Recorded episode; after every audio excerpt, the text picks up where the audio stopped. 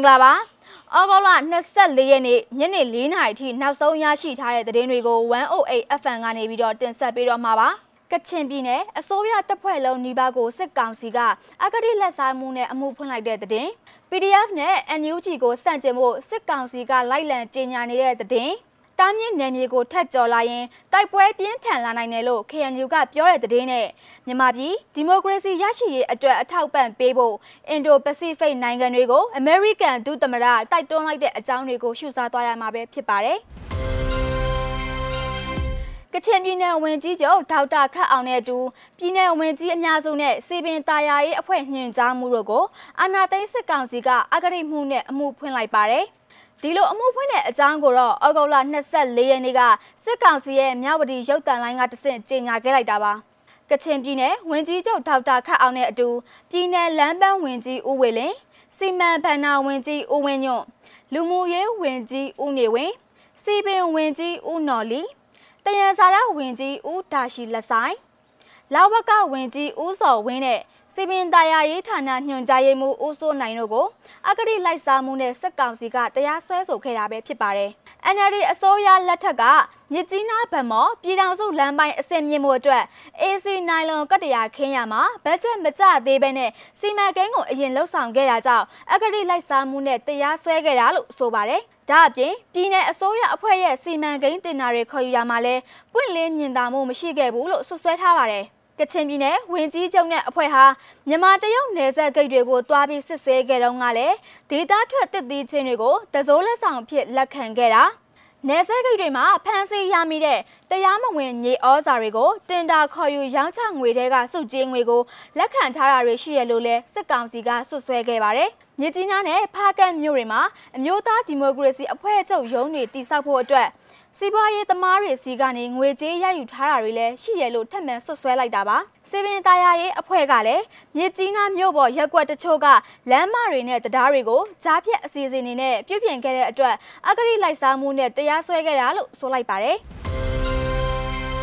PDF နဲ့ NUG ကိုစန့်ကျင်ဖို့စစ်ကောင်စီကလိုက်လံကြေညာနေပါတယ်။အမျိုးသားညီညွတ်ရေးအစိုးရအဖွဲ့ဟာအကြမ်းဖက်သူတွေသာဖြစ်တယ်လို့ဆိုပြီးတော့စစ်ကောင်စီတပ်တွေကလူနေရက်ကွက်တွေထဲမှာအတန်ချက်ဆက်တွေနဲ့လိုက်ပြီးတော့អော်နေခဲ့တာပဲဖြစ်ပါတယ်။စစ်ကောင်စီအနေနဲ့ကျန်းမာရေးစောင့်ရှောက်မှုပေးနေပြီးတော့ NUG က COVID-19 ကိုဇီဝလက်နက်အဖြစ်အသုံးပြုနေတယ်လို့စစ်ကောင်စီတွေက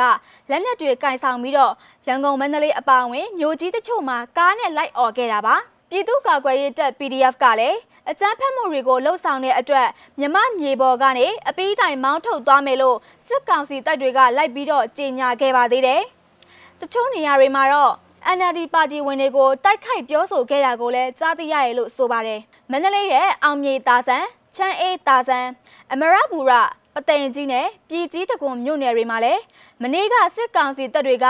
အတန်ချက်ဆက်တွေနဲ့လိုက်អော်ခဲ့ပါသေးတယ်။ လိုက်អော်တဲ့ကားတွေရဲ့နောက်မှာတော့တနက်ကင်ထားသူတွေကဆိုင်ကယ်နှစ်စီးနဲ့ထက်ကြက်မခွာလိုက်ခဲ့တယ်လို့လည်းမျက်မြင်တွေ့သူတွေရဲ့အပြောအရသိရှိရပါတယ်။ဒါပေမဲ့လည်းစစ်ကောင်စီရဲ့ဝါရဖြန့်မှုအပေါ်ပြည်သူတွေကအလေးထားမှုနှဲပါတာကိုမျက်စိမှကစုံစမ်းသိရှိရပါတယ်။စစ်ကောင်စီတွေအနေနဲ့တားမြင့်နယ်မြေကိုထပ်ပြီးကျူးကျော်လာမယ်ဆိုရင်တော့တိုက်ပွဲတွေပိုပြီးပြင်းထန်လာနိုင်တယ်လို့ KNU ရဲ့ဒူးပလာယာခရိုင်ကဒီကနေ့မှသတင်းထုတ်ပြန်လိုက်ပါတယ်။ ကော့ဂရိတ်မြို့နယ်ကမိုင်ကုန်းရွာမှာရှိတဲ့ဖုံကြီးကျောင်းမှာတက်ဆွဲထားတဲ့အကြမ်းဖက်စစ်အုပ်စုကို BGF အင်အား30လောက်ကရိတ်ခါတွေတည်ဆောင်ပြီးတော့အင်အားထပ်ဖြည့်ကာဖုံကြီးကျောင်းတွင်နေရာယူဖို့ပြင်ဆင်နေရလို့ KNU ကဆိုပါတယ်။ KNU ထိန်းချုပ်နယ်မြေအတွင်းမှာတော့အကြမ်းဖက်စစ်ကောင်စီသားမကဘဲနဲ့သူနဲ့ပူးပေါင်းထားတဲ့ BGF တွေကိုတွာလာခွင့်မပြုတဲ့အကြောင်းကိုကရင်အမျိုးသားလွတ်မြောက်ရေးတပ်မတော် KNL ကပြောဆိုလိုက်ပါတယ်။တပ်မှတ်နေရာကိုစက်ပြီးကြော်လာမယ်ဆိုရင်တော့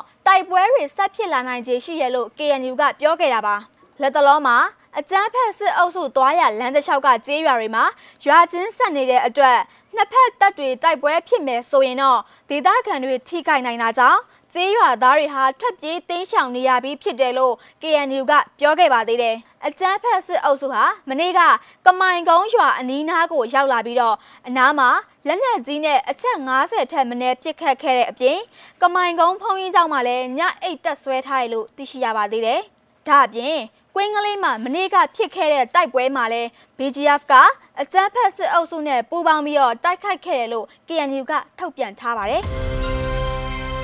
ဆက်လက်ပြီးတော့နိုင်ငံတကာသတင်းတပုတ်ကိုတင်ဆက်ပေးချင်ပါတယ်။စင်ကာပူကိုအလဲပတ်ရောက်နေတဲ့အမေရိကန်ဒုသမ္မတကမလာဟဲရစ်ကမြန်မာဒီမိုကရေစီနိုင်ငံရေးအတွက်ဝိုင်းဝန်းလှုပ်ဆောင်ကြဖို့ကိုတိုက်တွန်းလိုက်ပါတယ်။ကမလာဟဲရစ်ကမြန်မာစစ်တပ်ရဲ့အကြမ်းဖက်နှိပ်ကွပ်မှုလို့ဆိုကရှုံချလိုက်ပြီးတော့အင်ဒိုပစိဖိတ်နိုင်ငံတွေကအမေရိကနဲ့ပူးပေါင်းပြီးတော့မြန်မာနိုင်ငံမှာဒီမိုကရေစီပြန်လည်ထွန်းကားရေးလှုပ်ဆောင်မှုအတွက်ကိုတိုက်တွန်းလိုက်တာပါကမလာဟဲရစ်ရဲ့စင်ကာပူခရီးစဉ်ထဲမှာတော့ စစ်အာဏာသိမ်းတာကြောင့် United States ဟာအတော်လေးတုံ့လုံးမိရလို့ထည့်သွင်းပြောဆိုသွားပါသေးတယ်အကြမ်းဖက်နှိပ်ကွပ်မှုတွေကိုရှုတ်ချပြီးတော့ဒီမိုကရေစီလမ်းကြောင်းပေါ်ကိုသူတို့ပြန်ရောက်အောင်လှုပ်ဆောင်နေတဲ့လူတို့ကိုအထောက်ပံ့ပေးဖို့ကတိသစ္စာပြုပါတယ်ပြီးတော့အင်ဒိုပစိဖိတ်တလွားကနိုင်ငံတွေအနေနဲ့ကျမတို့နဲ့ပူးပေါင်းဆောင်ရွက်ဖို့မျှော်လင့်ပါတယ်လို့သူကပြောသွားပါတယ်ဒုသမ္မတကမလာဟဲရစ်ဟာ အင်္ဂါနေ့နှောင်းပိုင်းမှာတော့ဗီယက်နမ်ကိုအလဲပတ်ဆက်သွားမှာပဲဖြစ်ပါတယ်။ဒေါ်အောင်ဆန်းစုကြည်ခေါင်းဆောင်တဲ့ရွေးကောက်ခံအယက်သားအစိုးရစီကနေဖေဖော်ဝါရီလ၁ရက်နေ့မှာစစ်တပ်ကအာဏာသိမ်းလိုက်တာနဲ့ပတ်သက်ပြီးတော့သမ္မတဂျိုးဘိုင်ဒန်ရဲ့အမေရိကန်အစိုးရဟာပြင်းပြင်းထန်ထန်ဝေဖန်နေခဲ့ပါသေးတယ်။အာဆီယံအဖွဲ့ဝင်နိုင်ငံတွေအနေနဲ့ဂျောင်းဝင်စစ်ဆက်ဖို့စ조사နေပေမဲ့လည်းအောင်မြင်မှုတော့မရသေးပါဘူး။ United States ၊ဥရောပသမဂ္ဂ UK နဲ့ကနေဒါတို့က မြန်မာစစ်အုပ်စုကိုစီးပွားရေးပိတ်ဆို့မှုတွေလုပ်နေပြီးတော့ဖိအားပေးလို့နေပါသေးတယ်။အနောက်အုပ်စုကအဖက်မလုပ်ပဲထားတဲ့အကြမ်းဖက်စစ်အုပ်စုကိုရုရှားနဲ့တရုတ်ကတော့နိုင်ငံတကာစာမျက်နှာမှာအကာအကွယ်ပေးနေတာပဲဖြစ်ပါတယ်ရှင်။ဟုတ်ကဲ့ပါအခုဆိုရင်တော့ 1OA FM ရဲ့နောက်ဆုံးရရှိခဲ့တဲ့သတင်းတွေကိုတင်ဆက်ပေးခဲ့တာပဲဖြစ်ပါတယ်။နားဆင်ပေးခဲ့တဲ့အတွက်ကျေးဇူးတင်ပါတယ်။အားလုံးပဲတာယာလှပတဲ့ညနေခင်းလေးကိုပိုင်ဆိုင်ကြပါစေရှင်။